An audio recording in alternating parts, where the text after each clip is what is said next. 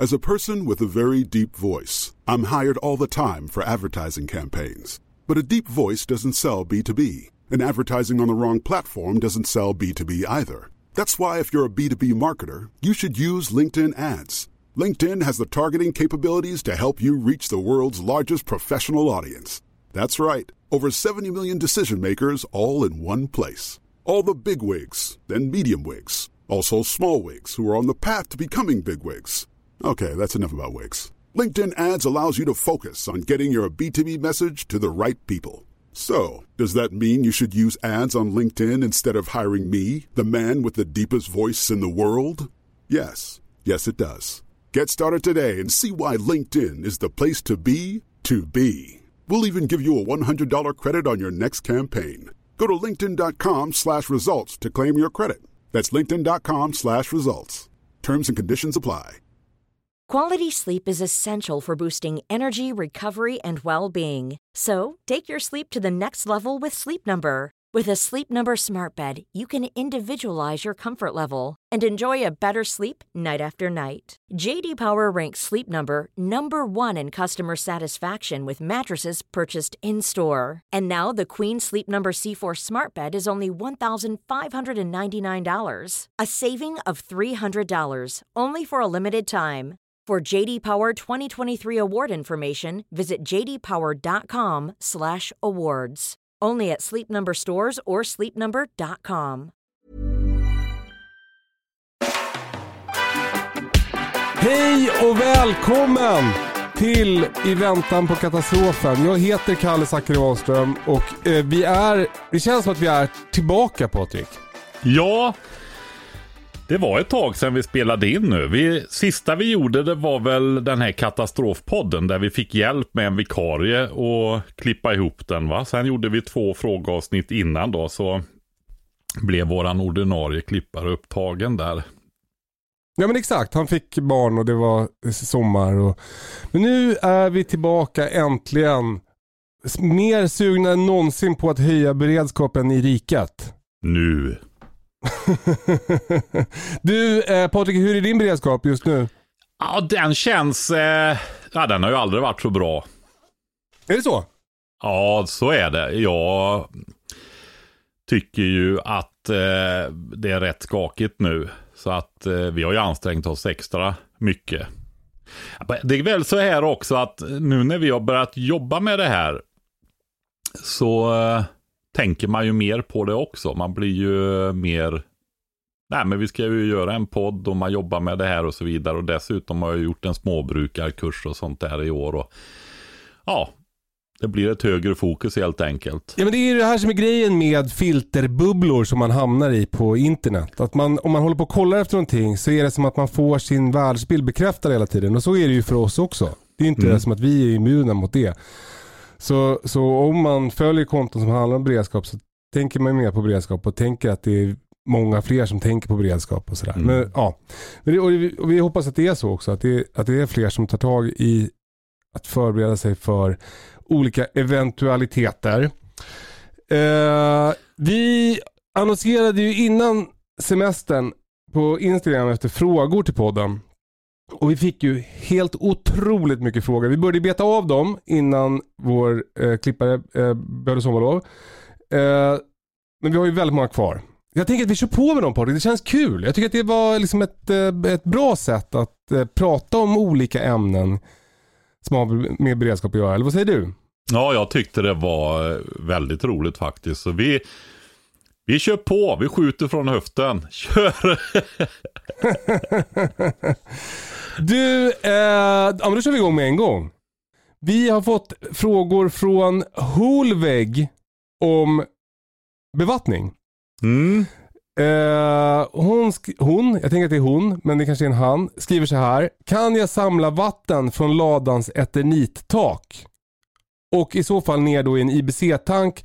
Och hur skapar man då tryck i den IBC-tanken för att kunna sprida till en lite större odling? Oj, ja, jag kan väl säga så här att eh, jag är inte rätt man att fråga angående eternitplattorna egentligen. Så jag får vara ödmjuk där. Jag kan säga vad jag tror dock. Jag tror inte det är någon fara alls. Det tror inte jag heller.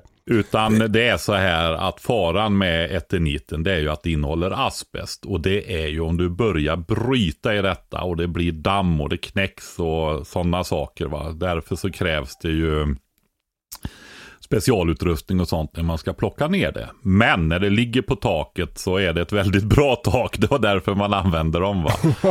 Så Ja. är det. Ja, för jag, Mm. jag samlar ut eh, vatten från mitt eternittak på ladan och jag var också rädd för det där. Men jag, jag frågade runt lite och jag fick ungefär samma svar som du säger nu. Att det är antagligen ingen fara. Det ska liksom mycket till för att det ska åka i, det ska komma in i vattnet, åka ner i IBC-tanken, åka ner i, i jorden och sugas upp i plantorna och sen ner i min mage. Det är liksom, eh, eh, ja, som jag fattar det så funkar inte det farliga med asbest riktigt så. Så, så det är nog lugnt.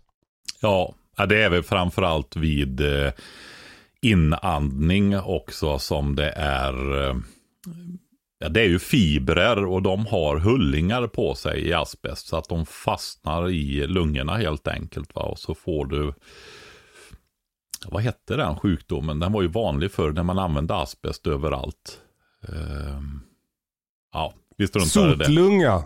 Fibros eller något sånt där. Jag vet inte. Kommer inte ihåg.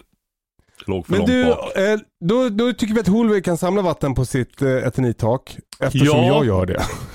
Eh, vi tycker det, men vi är inga experter på området. Vi får lägga in det eftersom eh, det, det är ett lite allvarligare område där. Eh, så tycker man får vara ödmjuk och säga det också. Men hur ska Holvig t- tänka i övrigt då med den här regninsamlingen?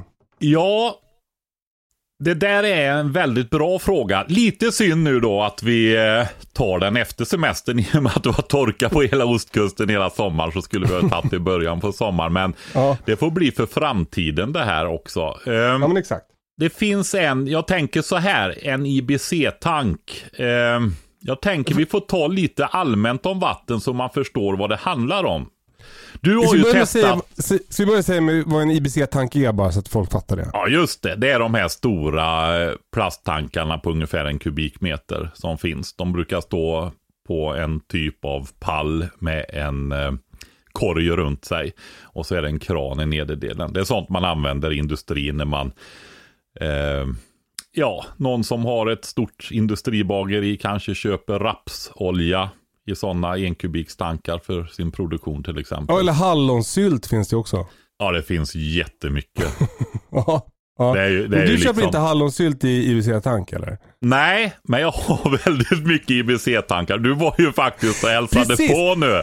För jag har faktiskt varit hemma hos dig i själva eh, preppborgen i, i Värmland. Eh, Ja. Och det var ju väldigt mycket IBC-tankar. Men vad otroligt, vilken vacker plats du bor på Patrik. Ja, eh, det är det faktiskt. Den är riktigt fin. Det är också så tydligt sådär när det är sånt otroligt eh, sånt där eh, böljande skogslandskap med mycket barrträd. Och sen i det insprängd på en bergssida ligger din oas med artrikedom och det har ju väldigt mycket odlingar. Vad kul det var att se. Inspirerande. Ja, vad roligt. Eh, men i alla fall, du har väldigt mycket IBC-tankar. Och du ville Ja. säga någonting om, om, eh, eh, om vatten i allmänhet. Mm. Jag får väl säga så också att jag har väldigt mycket IBC-tankar för att jag tänkte göra en, en husbehovsfiskodling en gång i tiden. Men min hustru har hejdat mig då. Så att eh, nu ska jag göra lite regnvatteninsamlingssystem av det där. Men då har jag också räknat på detta. Mhm. Alltså du tycker ju det inte ska vara en mattepodd va, men jag tycker ju ändå mellanstadie, eventuellt högstadiematte kan vi ju ta lite grann för det är lite synd om inte tar detta i grundskolan, hur användbart det är med matematik alltså. Många fattar ju aldrig det där riktigt. Men Nej. om man, vi har ju pratat om det förr, att vi ska försöka vattna 25-30 millimeter om man kör med spridare i veckan. Ja. Och gör Eh, man... vänta, är ni med på det nu då? Så eh, per vecka så behöver man alltså vattna 25-30 millimeter i sin, sitt eh, trädgårdsland, eller sina rabatter. Det är så Ja. mycket vatten som växterna behöver, ult, om det ska vara ultimat liksom. Mm. Det beror lite på vad du har för jord. Har du en lätt jord så, alltså sandigare, mer så, då kan det vara bättre att dela upp det på ett par vattningar. Just i och med att det, dränerar undan mycket och sådär va. Att det har en jämnare och- tillförsel.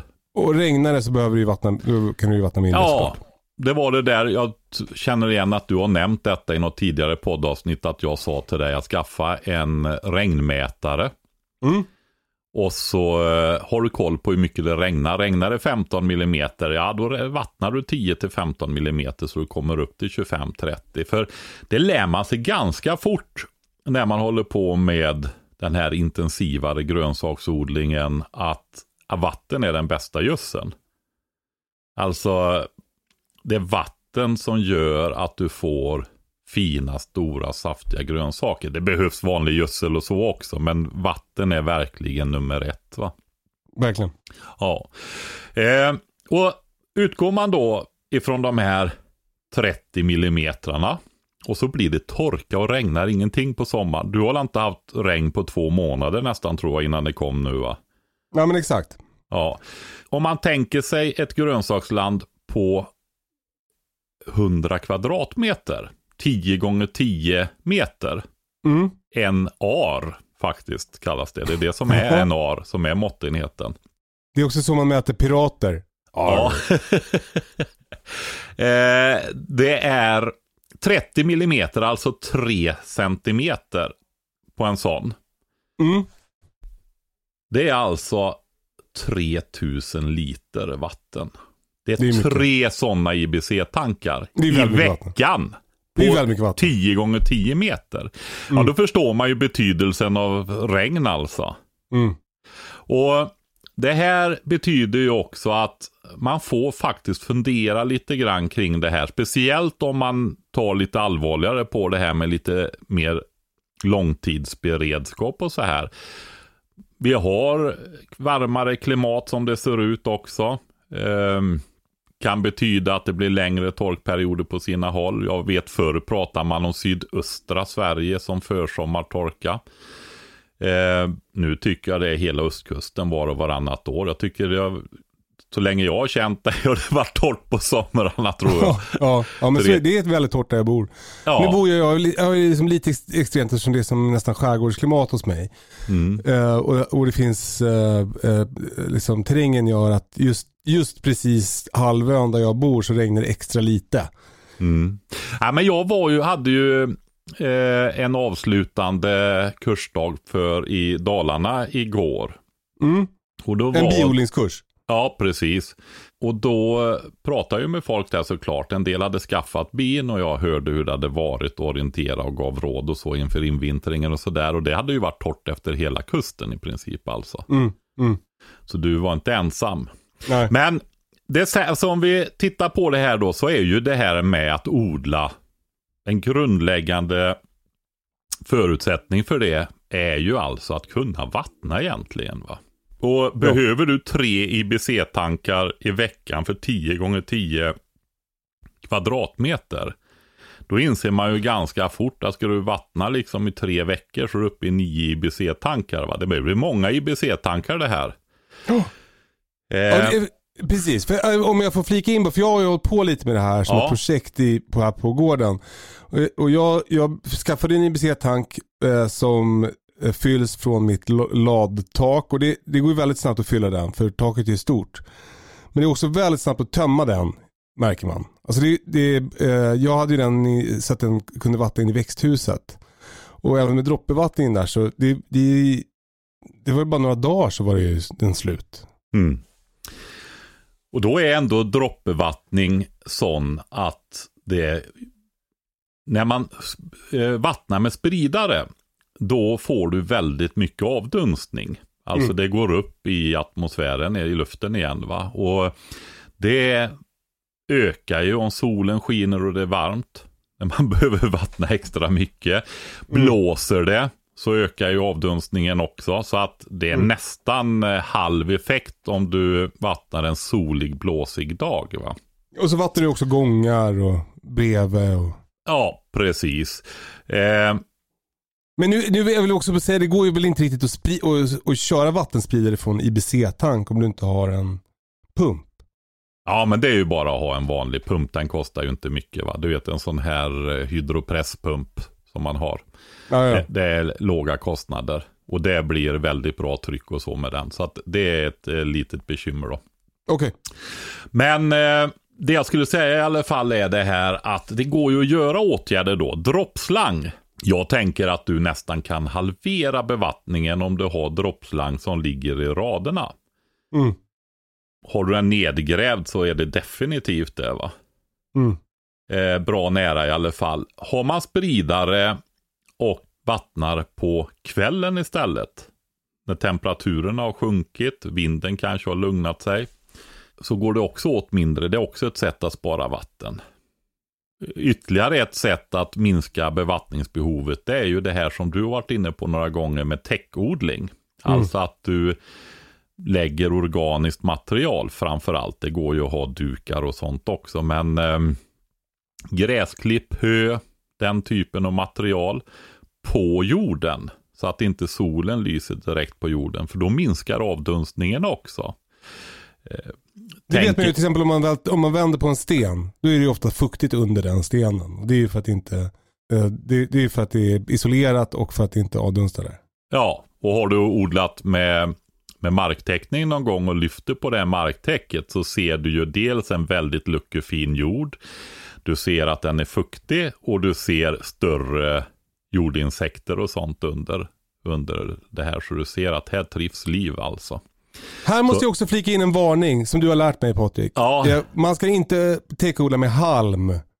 Skillnaden på hö och halm är ju att eh, halmen är mycket mer kolrik. Så, Mm. så den suger då kvävet ur marken. Det är dåligt. Ja, och det gör den ju på det viset att eh, de mikroorganismerna som bryter ner halmen behöver ju kväve också. Va? De behöver både kol och kväve. Och då får de ju bara kolet ifrån halmen i princip. Vilket gör att kvävet kommer ifrån jorden som skulle gödsla dina växter. Alltså det här går ju att komma ikapp det här så att du bygger upp en större kvävemängd och så vidare i det. Men när man börjar med det så kan man råka på den här problematiken då. Sen har du ju, alltså det är ju det här, det är ju för och nackdelar med allt. Nu tar vi upp de här positiva effekterna ur bevattningssynpunkt med marktäckning och sånt och flera andra positiva effekter också. Men du kan få problem med sniglar. Till exempel man får vara försiktig runt gurkväxter så att inte man tar för mycket marktäckning runt själva skälken där för då får du rothalsröta och sådana saker då. Va? Så att, eh, Och sork gillar också täckodling ja, precis. Så att man får pröva utifrån sin kontext men det är definitivt en bra metod när det gäller att spara vatten. Så är det, för du minskar Mm. avdunstningen. Så det är en viktig grej. En grej till som jag skulle vilja säga om bevattningen då ur beredskapsperspektiv. Det här att kunna hushålla väldigt mycket med vattnet då. För det är ett riktigt beredskapstänk alltså. För det är inte så lätt att få tag i vatten om det blir riktigt kärvt va. Kanske, om man inte bor på rätt ställe. Eh, det är ju att vattna med kanna. Klassiker. Ja, det är ju det va. Och jag är ju en sån där som förordar att man, de kostar ju nästan ingenting vattenkannor va.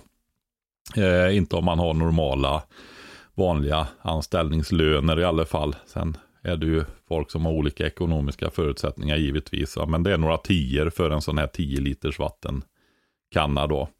Eh, och jag har ju tidigare pratat om den också, att de ska liksom stå fyllda med vatten. Skulle det vara så att det börjar brinna någonstans i gräs och sådana saker och du har vattenkannor med strilarna på, det är viktigt.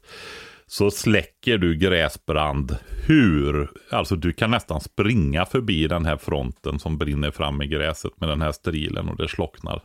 När det Mm. går över. Det är oerhört effektivt. Det är den ena delen då. Som gör att jag förordar att man aldrig mindre än sex vattenkannor i alla fall. det är ett Ja. minimum. Verkligen. 10 Ja. kilo smör, sex vattenkannor. Ja, två ballongvispar och två vanliga. Ja. Eh, jo, eh, kannorna där. För är det så att du har du en IBC, kör vi lite matematik igen, 1000 Mm. liter vattenkanna, 10 liter. Det är alltså 100 vattenkannor i en IBC Ja. mycket bärande blir det va. Eh, därför vill man ju gärna ha en infrastruktur för bevattning. Du börjar, du börjar väl med vattenkannor i början, Kalle, och så börjar du diskutera bevattning med mig ganska fort där om inte jag minns fel. Mm, det stämmer, men jag har också haft några delar av mina odlingar i sommar som jag har kört med vattenkanna. Och det har varit, ja det blir mycket konkande. Många vändor eh, Mm. till eh, vattentunnorna. Men det finns också något här, alltså man, för vi har ju ganska dåligt med vatten i vår brunn också. Och då finns det ju något väldigt, väldigt tillfredsställande med att använda vatten som man har i en tunna. Ja. Istället för att öppna kranen. Eh, för det är liksom äh, ångest. Mm. Nej, men tar du en vattenkanna så eh, kan du ju vattna direkt där plantan är. Va? Mm. Och eh, då får du en väldigt, eh, alltså det är ju det mest sparsamma som finns i princip kan man säga. Det säger sig självt en IBC som räcker till en tredjedels veckovattning räcker till, med spridare räcker till 100 vattenkannor, va, fulla vattenkannor. Det åstadkommer, Man åstadkommer ändå, ändå en hel del vattning med 110 liters vattenkannor. Va? Så är det. Ja, verkligen. Ja, kombinerat med lite marktäckning och sådana saker då.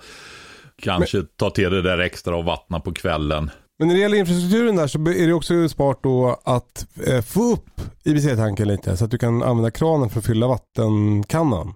Ja, precis. Det är, och det är också det här med branden då, eftersom jag förordar det i brandtänket. Att även de som har vanliga sådana här regnvattentunnor som har blivit populära eh, det sista. De eh, kan ju också tänka på det där. Visst, vatten, de är eh, fyllda. Kanske då som jag sa här, vattenkannorna, att man lyssnar på det. Det står sex stycken där, minst. Men de kanske tums. Och då är det ju väldigt bra om någon kan stå och fylla på dem under en vattentunna eller en IBC eller någonting då. Va? Det bara är att ställa dem under och öppna kranen och fylla dem. Mm. Och det är även för vardagsvattningen också givetvis. Men Ja, en öppen vattentunna kan man ju bara trycka ner vattenkannan i. Men, men en eh, IBC-tank är ju stängd så den behöver man ju få upp. ja, Ja, man ska eh, se upp med, visst du kan, man ska vara lite försiktig med vattentunnor med öppna, beroende på storlek och så i och för sig. Det är bra att ha lock på dem. Varför då? Alltså, ja, alltså barn som står på huvudet i en vattentunna är väl ingen grej man vill tänka på helst. Ja, det är sant. Eh, jag har två riktigt jävla toppen vattenkan eh, vattentunnor faktiskt. Jag, jag hittade dem hemma hos en, en kompis. Eh, de, de hade legat där när de hade köpt huset. De låg i en slänt, halvt överväxta. Så en var trasig, en var hel. Jag tog hem dem där, lagade den trasiga och så nu har jag två stycken 400, nej 500 liters vattentunnor. De är ashärliga. De fylls också, eftersom jag har så stort eh, ladugårdstak så fylls de nästan direkt. Så, så jag har efter, om det har regnat, eh, om det kommer en rejäl skur, då har jag sen två stycken 500 liters eh, vattentunnor som är fyllda. Utöver min, en, en IBC-tank då. Ja, vi kan ju, just det där att det fylls fort, det är ju också intressant, en liten eh, matematikövning man kan ta då. Vi har ju ungefär 600 millimeter, det varierar lite från olika ställen och så, men någonstans 600 millimeter nederbörd per år. Och tar man då ett tak på 100 kvadratmeter igen då, ganska rimlig villatak egentligen. Mm. Eh, vi sa det att 30 millimeter är ju 3000 liter. Mm. Och det är en tjugondel av 600. Så 20 gånger så mycket regnar det på ett sånt tak per år då. Det är alltså 60 000 liter. 60 IBC-tankar. Det är ju mycket vatten. Ja, och då förstår man ju att det kanske är, vill man verkligen göra något av det här, då är det ju damm som man måste göra alltså. Kul att du säger det Patrik. För att jag har ju nämligen ett dammprojekt som pågår över tid här på, på gården. Mm. Eh, jag grävde en damm förra sommaren. Jag grävde egentligen bara ett stort hål med min minigrävare. Det tog två dygn. Eh, det var i gammal havsbotten där jag grävt, så det, var väldigt lerigt. Så att, eh, jag fick rådet att bara låta det vara. Eh, och eh, för att det skulle bli, det, det tätar ganska bra den där leran. Ja, Men det har inte tätat tillräckligt bra utan jag, jag har mycket vatten när det har regnat och sen så försvinner det sakta. Genom avdunstning men också framförallt genom utsippring. i sprickor och så. Eh, Så nu är min plan att lägga duk faktiskt. Eh, Det kommer Mm. jag göra de närmsta veckorna. Ja, vet du vad jag ska säga då?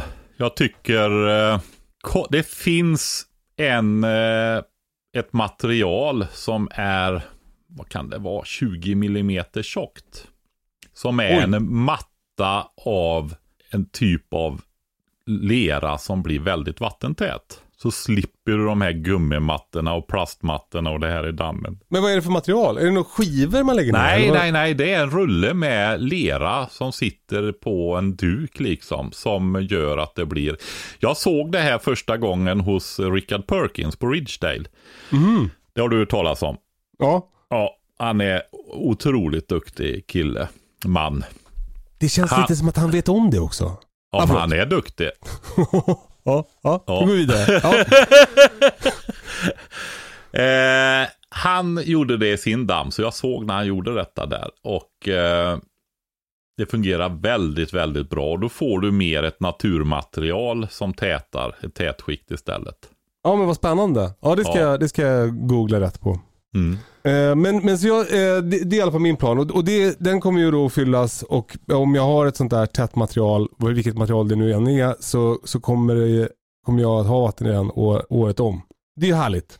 Ja, det är det. Och eh, du, jag tänker om du ska kosta på det här materialet och få i det där. För jag, det, titta på det innan du tar sån här vedervärdig gummiduk som sitter upp på kanterna. Ja. Svart. Eh, när vattennivån sjunker lite och sådär. Eh, fundera på och räkna lite. Du vet längden gånger bredden gånger höjden. Hur stor damm du ska ha. Det är ju alltså en otroligt viktig resurs. Du har ju faktiskt en egen grävmaskin även om den inte är så stor. Det tar lite tid att gräva även med den. Så hur mycket vatten vill du ha tillgång till för att kunna vattna och så vidare. Om du kan hålla igång en pump där. Så att du kanske ska göra lite större damm. Kul att du säger det Patrik. Jag, jag fick faktiskt hit en kompis som har en lite större grävmaskin som också kan ha sån här rotortilt eller vad det heter. Den kan vända skopan. Ja. Så det är lite lättare att jobba med. Så jag har, min damm är numera dubbelt så stor som när du var här sist. Mm. Jag vill göra en liten kontrollfråga där då, Kalle. Mm. Gjorde du en sån här platå runt kanterna nu då? Mm. Barnsäk ur barnsäkerhetssynpunkt. Ja, precis. Så att när de trillar i så är det grunt runt kanterna och inte en brant kant ner så de inte kommer upp. ja. Bra. Jag förberedde också för en liten brygga åt ankorna faktiskt. Ja, vad bra. Eh, men jag tror, eh, nu kommer jag inte ihåg, har jag inte måtten exakt i huvudet, men jag tror att jag, det är närmare 100 000 kubik i den här nu. alltså. Hundra, nej, vänta Nej, nu. 100 000 liter. kubik. 100 kubik. Ja, precis. Eh, Annars hade det varit väldigt stort. Ja, Som Vänern. Mm, 100, 100 000 liter. Exakt. Ja, nej men alltså där har du ju en ordentlig resurs då alltså. Men då är det nästan så du ska kunna ha lite liv i den där också. Det är faktiskt planen. Det är, vad är det du ska göra för något? Jag, vågar inte, jag vet inte om man får ha kräftor, men om man får ha kräftor då vill jag ha kräftor i den. Ja, ja, det finns ju folk som odlar kräftor kommersiellt i dammar. Det är väl så att då får väl du också göra det, Kalle, men du kanske... Man ska ju anmäla det mesta nu för tiden så att myndigheterna har koll på dig. Just det. Mm. Så det, det kan väl vara något sånt då. Men du får väl Ja. kolla upp det innan du sätter i kräftor då. Har du något förslag på vad jag ska ha i min damm utöver kräftor? Alltså det finns ju olika typer av fisk som du kan odla också alltså. Det gör ju det. För det, det är nämligen eh, det är som ett, ett mörkt hål i min matproduktion. Jag har ju ingen, jag har ingen tillgång till fisk. Jag fiskar ju typ inte. Så, så vi har ju inte fisk hemma. Därför äter vi inte heller fisk. Nej, du Vi vill köp- ju inte ge dina barn dioxin. Ja, vi, ja men exakt. Men man vill inte, det känns så muggigt med den mesta fisken man köper i affären. Så, så det vore ju toppen att ha fiskodlingar hemma. Mm. Ja, det får vi prata mer om i ett annat avsnitt.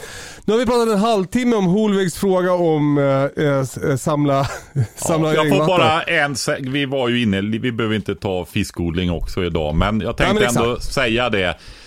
Just det här med produktion av fisk i eh, vanligt vatten om man säger så. Alltså tar du i en sjö om du inte gör på något speciellt sätt så, eh, utan fritt levande då. Då i en bra sjö så blir det liksom fem kilo, fem, sex kilo kanske. I årlig tillväxt per hektar, alltså per 100 gånger 100 meter.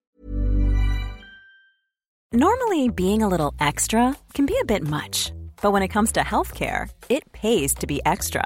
And United Healthcare makes it easy with Health Protector Guard fixed indemnity insurance plans. Underwritten by Golden Rule Insurance Company, they supplement your primary plan, helping you manage out of pocket costs without the usual requirements and restrictions like deductibles and enrollment periods. So when it comes to covering your medical bills, you can feel good about being a little extra. Visit uh1.com to find the Health Protector Guard plan for you. Say hello to a new era of mental health care. Cerebral is here to help you achieve your mental wellness goals with professional therapy and medication management support. 100% online. You'll experience the all new Cerebral Way, an innovative approach to mental wellness designed around you. You'll get a personalized treatment plan from a therapist, prescriber, or both in a safe and judgment free space. Your cerebral therapist or prescriber will outline a customized plan with clear milestones along the way so you can get to feeling your best. With Cerebral, you're not alone in your mental health journey. We're here to empower you to live a fulfilling life. So take that first step towards a brighter future and sign up today at cerebral.com slash podcast and use code ACasts to get 15% off your first month. Offer only valid on monthly plans. Other exclusions may apply. Offer ends July 31st, 2024. See site for details. Quality sleep is essential for boosting energy, recovery, and well being. So take your sleep to the next level with Sleep Number. With a Sleep Number smart bed, you can individualize your comfort level and enjoy a better sleep night after night. JD Power ranks Sleep Number number 1 in customer satisfaction with mattresses purchased in-store. And now the Queen Sleep Number C4 smart bed is only $1,599, a saving of $300 only for a limited time. For JD Power 2023 award information, visit jdpower.com/awards. Only at Sleep Number stores or sleepnumber.com. Det är inte mer. Så ska du ha fisk och det ska bli någon produktion så får du ju ha foderanläggningar och sådana här grejer i en sån där odling i så fall. Just det. Det är ingenting som man bara kan lämna vind för våg för då blir det ju ingenting. Det där. Men det kommer fortfarande vara en, en eh, alltså eh, eh, bang for the buck kommer ju vara hög. Precis som att ge gräs till en kossa. Så är det ju billigare, ett billigt sätt att skapa kalorier. Ja, det är det. Och eh, absolut. Och sen eh, har du framförallt en damm, en branddamm och en bevattningsdamm som heter duga. Mm. Så är det. Men eh, för att svara på Holviks fråga här bara då. Så, eh, eh den här, du, du viftade förbi det lite snabbt förut det här med pump. Och jag fattar att det för vissa kanske det är självklart hur man ska tänka med en, en pump för att driva upp trycket i en EBC-tank. Men jag, jag kan inget om sånt där så du får jättegärna berätta noggrannare. Mm. En sån enkel pump som jag beskrev där, det är ju en pump då va, som eh, suger upp vatten. Den kan suga på sju meter. Höjdskillnad egentligen, det är det maximala. Sen blir kraften, dragningskraften eller vikten på det här vattnet i ledningen för hög, så den kan inte suga högre än sju meter. Men eh, du har också en större behållare i den. Man brukar ofta se en pump som står uppe på en, en cylindrisk behållare. I den där behållaren så finns det en gummiblåsa, en hydropress. Och man ska också se till att fylla i ett tryck i den där eh, med en cykelpump. Och det ska, brukar ofta vara 3 hektogram mindre än eh, starttrycket. Så det är lite lägre än starttrycket. För då är det så att då pumpar ju pumpen så att den fyller den här gummiblåsan. Och när det blir ett visst tryck i den här, jag trycker in ett visst mängd vatten i den så blir det ju ett tryck. Och då när det blir tillräckligt högt då stänger den av. Mhm. Och sen om du tappar ut lite vatten, då sjunker ju trycket och det pressas ut av den här gummiblåsan. Och när det blir tillräckligt lågt, ja då startar ju pumpen igen. Va? Just det. Det har ju du sett att din pump kör ju upp i din, du har ju en hydrofor. Och då är det ju istället en stor metall, stående metallcylinder som du har en luftkudde uppe på. Just det. Så att du pressar ihop den här luften då istället. För att få upp vatten ur min brunn är det.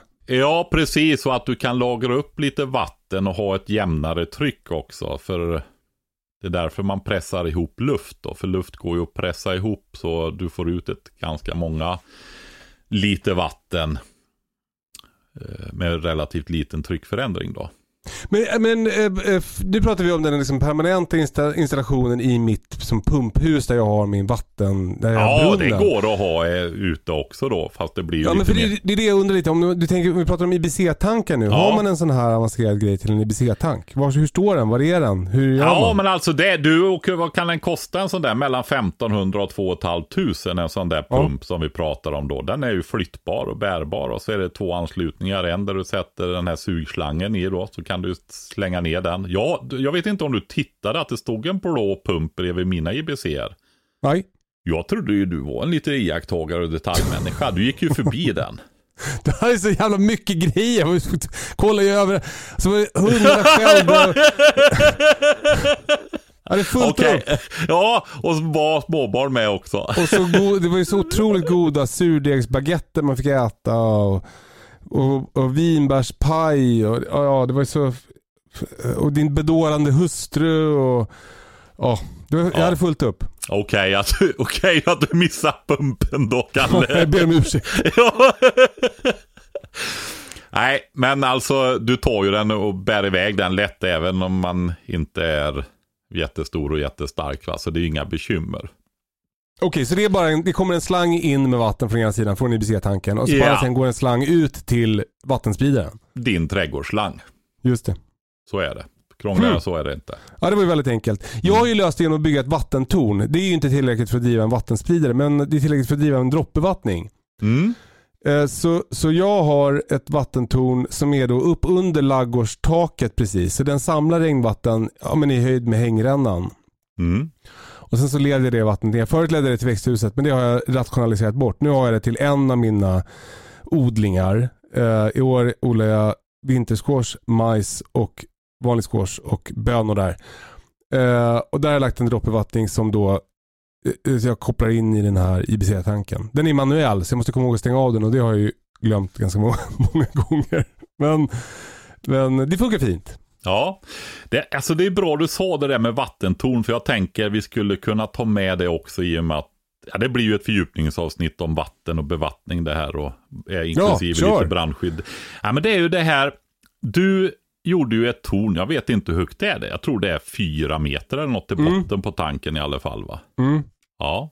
Man kan ju också utnyttja om man har en bor på en slänt och huset ligger lite längre upp och tomten ligger nedanför.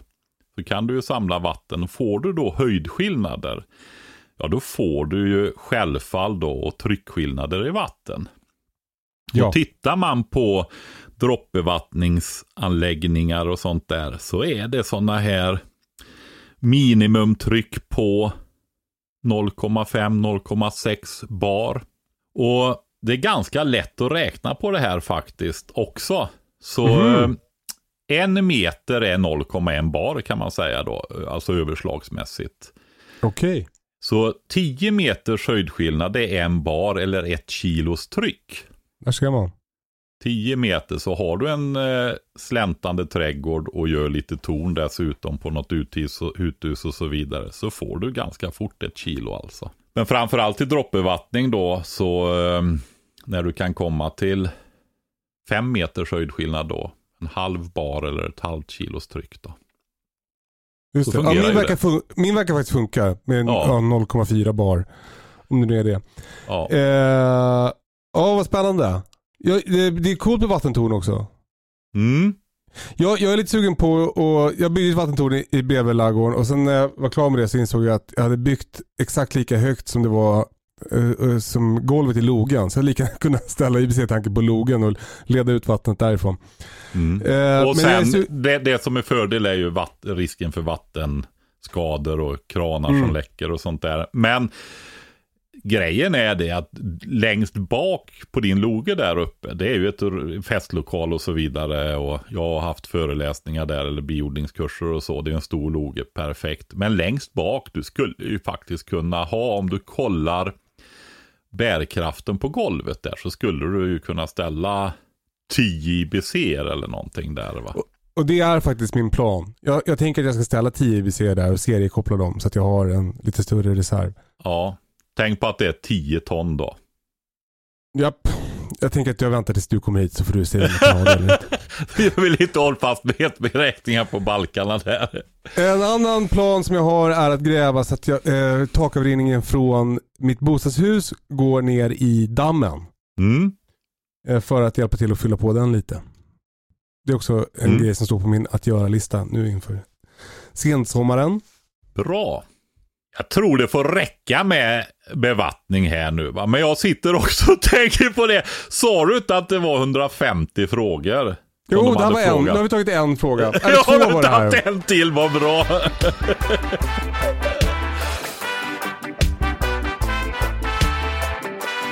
Eh, Vi har fått en fråga från Mr Jansson. Han Ja, undrar hur mycket handsprit, ytdesinfektion ni har hemma. okej. Det är kanske lite Eh. enklare att svara på. Ja, det, precis. Det blir bra. Vi kan ta några korta där också. Ja, jag måste ju tänka efter hur mycket jag hade. Jag kan väl säga så här. Det, för jag var lite präktigt kanske, men jag tillhörde ju faktiskt de som hade detta hemma när pandemin kom och allt tog slut. Jag hade inte bara toapapper. Utan också ytdesinfektion och munskydd. Ja, ja skyddsmasker hade ju varenda en i hela släkten. Riktiga skyddsmasker. Men sen, eh, nej men jag hade nog i alla fall fyra liter av varje eller någonting sånt där va. Hade jag då. Nu har jag ju utökat detta. Har jag gjort. Jag vet faktiskt inte hur mycket jag har men det är ju 10 liter i alla fall. Av varje. Eh, Tar du med barskåpet i beräkningarna då också? Nej. Den är förbjuden att använda som handdesinfektion. ja. Och där är lite mer då. I beredskapslagret. Nu undrar ni väl inte hur mycket jag har, men jag tror att jag har ett par liter. Mm. Eh, och det har, jag, det har jag förra ägaren av gården till att, tack, att tacka för. För det fanns när vi flyttade in tillsammans med litervis med tvål och väldigt mycket eh, sådana ansiktsmasker också. Munskydd. Mm. Det låter ju som jag har ju varit hos dig där och sett alltså. Det känns ju som han som bodde innan hade rätt hög beredskap faktiskt. Mm. Tror han gillade en god deal.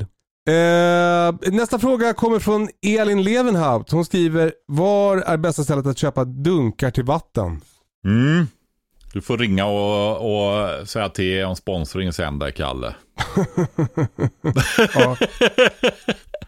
Nej, men eh, jag eh, måste nog säga så här att jag tycker att Biltema har väldigt prisvärda dunkar. Så är det. Där köpte jag mina också. Ja, de eh, har bra pris och är fungerande och det är det är så många som köper deras. De måste ju vara Sveriges största dunkförsäljare till privatpersoner alltså. Så det, det är väl det vi får säga där. Jag Vi säger Biltema. Ja, det gör vi. Nästa fråga kommer från Len Nord Norlund. Eller Len Norlund. Är rödbeta det optimala att odla förutom pären på Västerbottenskusten? Ja, alltså mycket av eh, standardgrönsakerna eh, går att odla på Västerbottenskusten. Man får välja sorter. Alltså olika sorter har ju olika utvecklingstid då va. Tar du vitkål till exempel så har du ju vitkålsorter som behöver 150 dagar för att bli färdiga då va. Men du har ju vitkålsorter som behöver 80-90 dagar också va. Så att eh, då får man ju ta dem som är anpassade efter odlingssäsongens längd då va. Jag kan ju inte ta den här vitkålen ner i Värmland heller som har 150 dagar, 130 dagar och så vidare va. Så eh, det gäller även morötter och sånt. Eh, det går att odla det mesta i Västerbotten skulle jag säga utav det här vanliga då. Sen är det plantuppdragning och sånt. Men rödbetor är ju en fantastisk gröda. Och jag får väl eh, ta det här som min hustru la ut en bild på händelser heter det som är kortare, som försvinner. Ja, precis på Instagram. Hon kör så här eh, tre år. Det, vi är ju lite populärt så här i beredskapssammanhang med tre år. Mm, mm. tre sekunder, tre minuter, tre timmar. Men också att ha tre av olika saker. Men sen är det så också att när det gäller mat så är det mycket tripplar som är väldigt bra. Och en sån superduper trippel.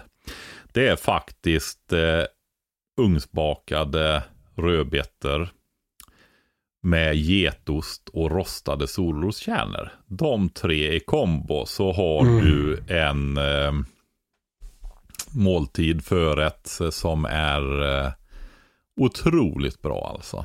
Alltså Det är för jävla gott med rödbetor alltså. Ja det är ju det. det är, alltså att inte veta mer rödbetor än vad det gör. Jag jag har odlat otroligt mycket rödbetor i år och jag har fått, de har blivit otroligt stora och det har nog gått upp för mig att Britta inte gillar rödbetor. och Va? naturligtvis ingen av barnen heller. Så det, det är, jag jag bjuder på det när vi har gäster. Men du, apropå rödbetor tänkte jag fråga dig en grej Patrik. För min, en, det kommer från användaren Kalle Zackari Wahlström. Eh, det är hur lagrar man sina rödbetor på bästa sätt? Mm. När det gäller eh, potatis så kan man ju ha den i lådor och säckar och så vidare. Då är det det här vanliga. Svalt, mörkt och lite fuktigt.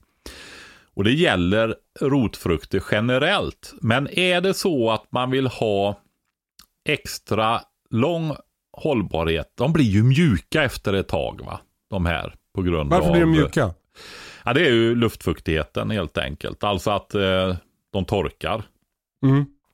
Eh, så morötter, även, även eh, rödbetor och eh, palsternackor, rotpersilja, ja sådana här andra rotfrukter. Mm. Där är det ofta bra att ha dem i någonting. Alltså till exempel i sand. Visst har du, gjorde inte du, ja du frågade sånt i början också. Jag för mig att du gjorde ett experiment med två olika grejer va. Med för den andra, förutom att lägga det i sand, så är det i plastback med tidningspapper och så ett lager rotfrukter, nytt tidningspapper, ett lager rotfrukter och så vidare. Men där krävs då att du har iakttar lite grann och kollar balansen med locket. För du ska ha en viss luftning. Luftar du för mycket torkar det, luftar du för lite blir det väldigt blött. Japp. Kul att du frågar Patrik. Ja, det, det här får jag väldigt mycket frågor om också eftersom vi, det här var ju någonting som vi visade i första säsongen av Hjälp och köpt en bondgård men aldrig följde upp riktigt. ja. Eh, och jag kan nu avslöja att för morötter framförallt, för det var där, det experimentet jag gjorde, så var ja. sand bäst för kvaliteten på morötter Mm. men tidningspapper bäst ur användarsynpunkt. ja just det. Det var, det var liksom eh, lättare att hålla på med, lättare att bära lådorna. Det var, det var de vi använde först. Det, alltså allt det där var liksom. Så, så jag tycker tidningspapper var, var bättre. Jag undrar om man kanske ska göra så att man typ eh, knölar ihop tidningspapper i bollar istället och lägger bland, mellan, för att få liksom lite mer tidningspapper än bara, än bara ett, ett lager mellan varje våning så att säga. Mm. Ja, det är med Eh. lagren också där, det är ju det om någon blir dålig.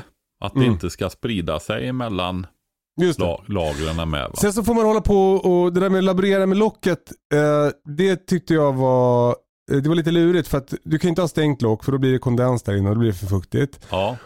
Eh, men om du öppnar locket, då, om du då har möss i jordkällan så kommer de in och eh, har fäst i dina lådor. Mm. Jag Så- skulle så det- säga så här då. Jag hade, när jag, jag har ju inte haft någon jordkällare. Jag skäms att behöva säga det. Men det beror ju faktiskt på att jag har blivit så otroligt duktig på att förvara i backar och sånt i mitt skafferi va. Vänta, vi, vi måste backa här. Hörde ni allihopa, ni som lyssnar? Patrik Sellman har ingen jordkällare. Nej, Helt sjukt. Om det är någon som bor i Sunne med omnejd, som har en grävmaskin, åk hem och gräv en jordkällare hos Patrik. Det är helt sjukt. Hur, ska han, kan, hur kan han leva så här? Det är synd om karln. Ja, nej men jag faktiskt, det är ju så att det är en hyfsad investering att göra en jordkällare. Både tidsmässigt och kostnadsmässigt. Och i och med att nej, men man bygger, jag har ju byggt mitt ställe från grunden. Röjt marken, fällt skogen, byggt upp hus. Jag får ju bygga allting och göra allting. Va? Och, eh, I och med att jag så snabbt lärde mig att förvara i torrare miljö alla grejer. Alltså jag har jättelång hållbarhet på mina grejer kan jag säga. Det är ju utrymmet dock. Du, du smet ju in i skafferiet där och såg att det var rätt fullt. Du kan ju tänka dig hur det ser ut på hösten. ja, det kan jag tänka mig. Dörren öppnas ju inåt, men det är knappt man kommer in genom dörren då. eh, det är... Eh, jo, jag hade tillbaka till det där med plastlådor och tidningspapper och sånt där. Jag hade slaktbackar med lock och det var ett litet hål i varje hörne på locket. Mm. Något form av ventilationshål i de där.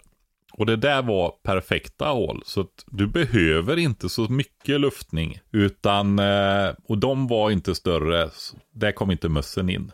Nu har jag mhm. inte möss i mitt skafferi men um, det, har, de, det har hänt att det har kommit in och då har vi ju fått det är en stor arbetsinsats då kan jag säga. Men mm. eh, normalt sett har vi inte det. Men där går inte möss in i de hålen i alla fall då. Jag provade att borra hål i, i locket på mina plastbackar som jag köpt på typ Bauhaus. Men de ja. sprack. Okay. Eh, och jag provade sen att tejpa först och sen borra. Det gick inte ändå. Men eh, så jag gjorde helt enkelt så att jag sågade till en USB-skiva och, och, eh, och bytte ut locket mot en sån. Och la på. Mm. Och så gjorde jag eh, ventilationshål med eh, eh, insektsnät. Som gjorde att mössen inte tog sig in. Mm. Hur stora hål gjorde du då? Ja, det är som, det är ganska, det är som en iPhone i mitten på, i mitten på USB-skivan. Okej, okay, ett enda litet hål där i mitten ja. Ja, eller... det är ett ganska stort hål i förhållande ja. till hur stor backen är. Mm, 50 gånger 10 eller något sånt där typ. Ja, exakt. Men eh, var det, det låter lite stort tycker jag. Ja, ja det är möjligt. Men det, alltså, det funkade. Jag, ja. jag har inget att jämföra med. Så jag, det, det hade väl kanske varit bättre med mindre hål. Men, men här funkar det helt okej. Mm, ja, men om vi tar i slutändan på säsongen då. Börjar de inte torka där borta i jo. april, maj? Då tänkte jag att det kanske var, att det var, ja men det, det är möjligt att det var det som var felet då. Att det var, jag tänkte att det var att, att förvara i tidningspapper inte var lika bra som, som att förvara i sand. Men det, det är klart, det kanske var mitt hål som var problemet. Mm. Alltså jag skulle nog testa och göra ett mindre hål, en tredjedel eller något av det ja. där. Alltså. Ja, kul. Då har jag ett ja. litet projekt på gång här. Ja, gör det så får vi För det börjar bli dags att ta upp allting nu. Alltså rödbetorna, de, de, är så jävla stora. Jag tror att det är dags mm. att ta upp dem. Det är ju så, man tänker inte på det när man, men man får ju lära sig det sen. ja, alltså nu har man gjort i ordning alla land, dratt upp alla planter, hållit på med allting, skött det här, vattnat, ogräsrensat. Nu är halva jobbet kvar. Skörden. Det är alltså mycket mer jobb det än vad man tror med att skörda. Och nu börjar jaktsäsongen också. Oh. Ja. Men eh, det gäller att hitta glädjen i det och verkligen det här eh, när man gör sina konserveringar, inläggningar, fyller sina säckar och ställer in och det där, hittar den där härliga, vad ska man säga, ekorrkänslan liksom av att lägga i lager alltså. Den är ju härlig. Så, um... Ja men jag har ju en väldigt stark sån här Pokémon-personlighet. Jag tycker ju om att samla och levla upp och skaffa nya vapen i tv-spel och sådär. Så det här är, det är, det är ungefär samma grej att fylla jordkällan. Jag tycker det är superhärligt. Mm. Eh, eh, jag undrar också, jag tror att jag behöver mussäkra mina potatislårar. Ja. Eh, och då, eh, eh, liksom vad, hur, hur stort, hur grovmaskigt nät kan jag sätta på insidan? Oj, det där är en sån där typisk grej för man vill mustäta bikuporna också. Jag är alltid lite osäker på just det där. Hur svårt kan det vara? ja. Nej men alltså, jag skulle nog, om du ändå ska köpa ett nät, så jag skulle inte gå över 6 millimeter. Ja, taget. Och ja, jag tror till och med, gör så här så är du helt säker att du går till 5 millimeter. Så ja. får vi kolla upp sen om det finns något eh, standardmått där. Det gör det givetvis. Så. så får jag se till att lära mig det där någon gång eftersom jag får en del frågor om detta. Du är väl inte heller riktigt rätt man att fråga när det gäller mus, musproblematik. Du, har, du är den jag känner som har störst problem med, med möss. Ja, period jag hade i fjol hade vi verkligen det. Det absolut, det är, jag var 26 år när jag byggde mitt hus. Och jag tycker faktiskt att jag gjorde ett riktigt bra jobb där. Men jag har ju aldrig bott i något hus med musproblematik. Nej. Förut i mitt liv då, innan jag blev 26. Så jag visste helt enkelt inte det då. Det fanns liksom inte med att det skulle vara ett problem. Jag har aldrig haft det. Så att eh, det vet jag nu. Hur gör man för att mussäkra ett hus? Alltså det är ju helt enkelt så att du kan inte ha större öppningar än så mössen kan komma in. Du får täta i nederdelen på eh, brädfodring och framförallt så är det så här att möss springer ju på väggarna så de kan ju även springa upp under taken och in. Va? Så att eh, nu är det ju lite speciellt också i och med att jag timrade mitt hus i 7 tums timmer, alltså 17,5 centimeter tjocka timmerväggar. Så blir det ju naturliga gångar där stockarna mm. ligger emot varandra. Så jag har ju motorvägar för möss i väggarna. Va? Så för min del så eh, är ju strategin nu då, för nu var det så illa förra hösten och vintern här att eh, nu måste det åtgärdas ordentligt. Och då är det helt enkelt att på insidan ta där de troligtvis kommer in och täta. Och då kan man Eh, är det springer eller någonting någonstans så kan man ju ta sådana här lite grövre, inte stålull, men om du vet vad en stålmus är för någonting. Nej. Som man har och skrubbar kastruller med, med lite grövre stål i. Sån kan ja, man ju ja. ta och strula in i, i um, springer och sånt där om det finns det. Uh, in i, ja du vet, in i garderober och olika grejer så. Men annars är det ju helt enkelt att ha grova lister och täta och jag har ett insläpp som jag vet det är att jag har ett badrum på övervåningen som aldrig blev färdigt. Som blev förråd. Okay. Och där är bara timmerväggar på något ställe. Så att eh, där ska jag göra i ordning också då va. Det, där tror jag är ett jättestort insläpp då. Och nu så folk som lyssnar på det här kommer nu, och det här har jag varit med om på, på internet, alltså nu säger alla så här, skaffa katt. Mm. Vad tänker du om det? Jag har ju mycket hundar och de går ute och lösa. Och eh, det blir så, om man har utekatter då, vilket vi pratar om här, de drar hem så fruktansvärt med fästingar, mask, allt sånt där va. Så att eh, jag har ju haft katt här, eller min dotter har haft katter. Och så blev hon stor och flyttade och katterna blev kvar. Ja. Eh, så vi har haft Gandalf, Nisse och Bullen här i drygt 20 år då. Mm. Så att, eh, nej, det blir ingen eh, mer katt faktiskt. Alltså, för, eh, vi, vi skaffade katt och det, och det har faktiskt blivit ganska stor skillnad för oss när det gäller möss.